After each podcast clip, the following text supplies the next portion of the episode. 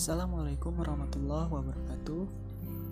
Hello everyone Perkenalkan Saya Muhammad Zafiar Yang merupakan mahasiswa Prodi Pendidikan Bisnis Fakultas Ekonomi Universitas Negeri Jakarta.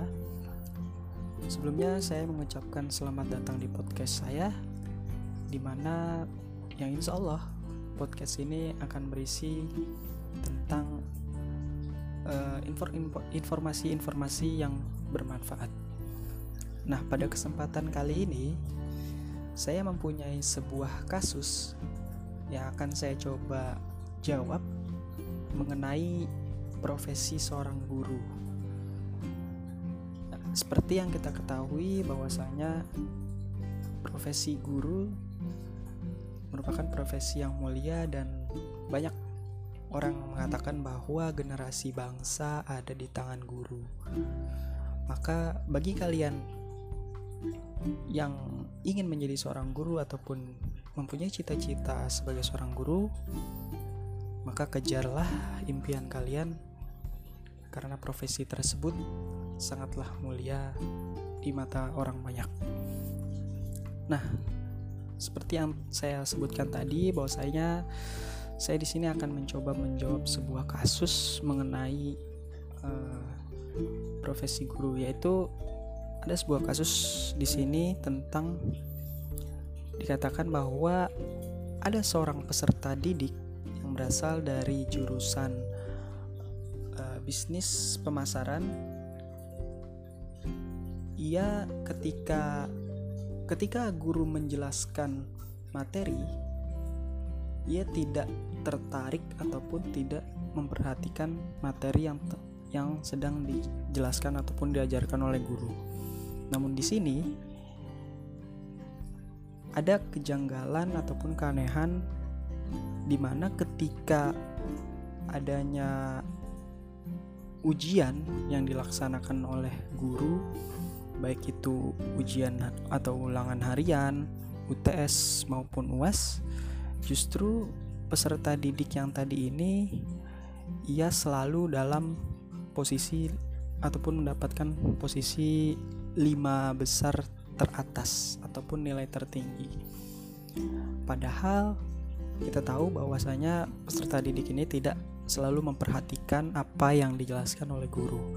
Nah, maka di sini adalah bagaimana tanggapan saya dalam kasus seperti ini maka sebelumnya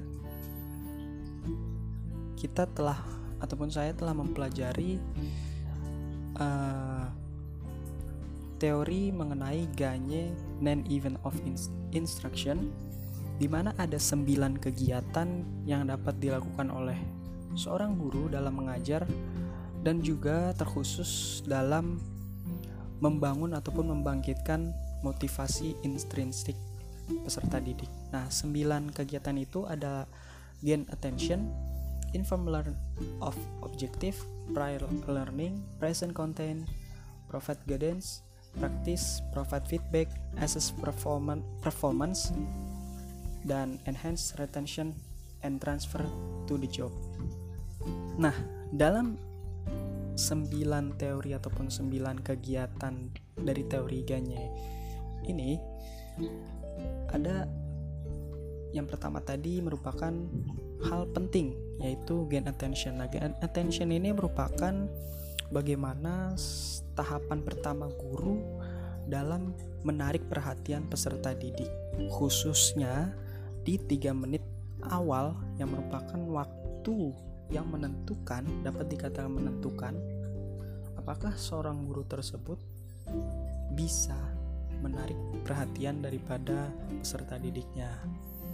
Nah, maka itu dari kasus yang tadi mungkin tahapan awal ini merupakan tahapan yang sangat penting dilakukan ataupun diperhatikan oleh guru ketika ia meng mereka mengajar di dalam kelas. Maka dari kasus tadi sebelum kita jauh menilai apa yang terjadi di peserta didik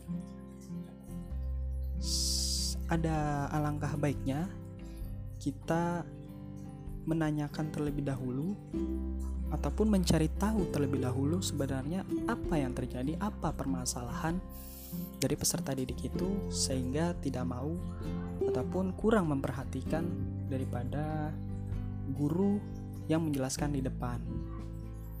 Nah, saya mempunyai tips ketika di tahapan awal dalam ganye ganye uh, instruction ini yaitu tips yang pertama mungkin di awal ketika melakukan perkenalan jauh sebelum sampai akhirnya uh, menilai ya dalam proses penilaian. Maka di tahapan awal ini ketika melakukan perkenalan guru harus menarik dulu perhatian peserta didik bisa berupa dengan memperkenalkan diri uh, mempres, uh, membuat CV dengan semenarik mungkin yang mana CV ini nantinya akan menarik perhatian murid itu sendiri di mana peserta didik nanti nantinya tidak hanya sekedar ucapan tapi ada gambar yang mungkin bisa menarik perhatian dalam guru mem memperkenalkan dirinya. Nah, setelah itu tentunya komunikasi dua arah harus dilakukan di sini.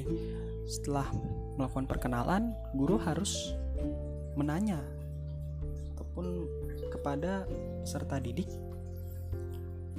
untuk uh, memperkenalkan diri mereka. Nah, itu dengan cara sama seperti yang tadi guru sebutkan di awal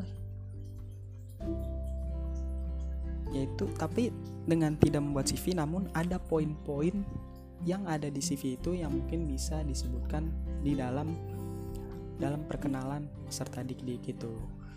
Nah, tahap selanjutnya yaitu uh, sebelum masuk jauh ke pembelajaran, seorang guru harus memberikan survei terlebih dahulu. Sistem pembelajaran yang seperti apa yang diinginkan oleh peserta didik di dalam kelas itu?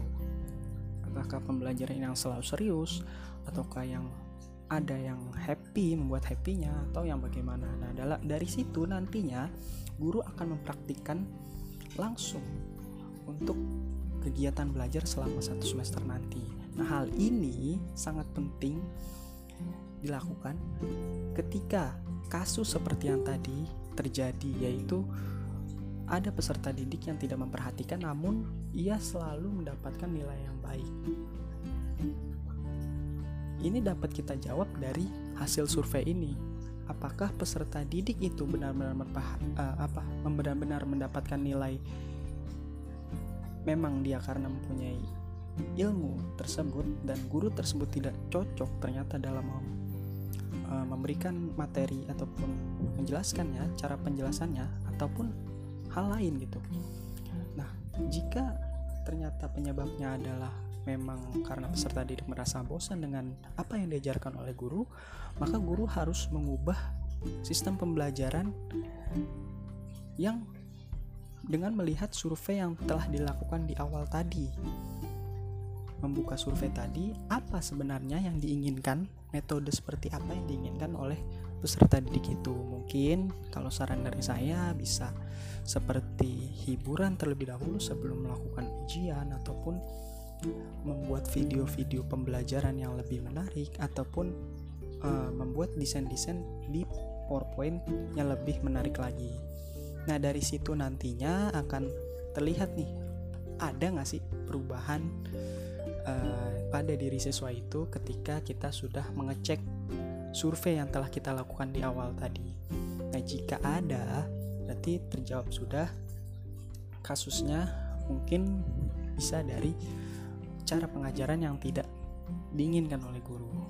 Namun lagi-lagi di sini adalah seorang guru sebaiknya jangan langsung memberikan tujuan pembelajaran itu hanya sekedar dari nilainya saja. Seorang guru harus uh, menetapkan ataupun selalu mengingatkan kepada guru uh, peserta didik bahwasanya pembelajaran yang dilakukan di dalam kelas bukan hanya sekedar mengejar nilai, namun bagaimana tahapan dari setiap prosesnya agar para peserta didik mampu mendapatkan nilai yang baik. Mungkin itu saja yang dapat saya sampaikan dalam kasus ini di dalam mengenai G-nya G-nya uh, non event of interaction. Sekian dari saya. Wassalamualaikum warahmatullahi wabarakatuh.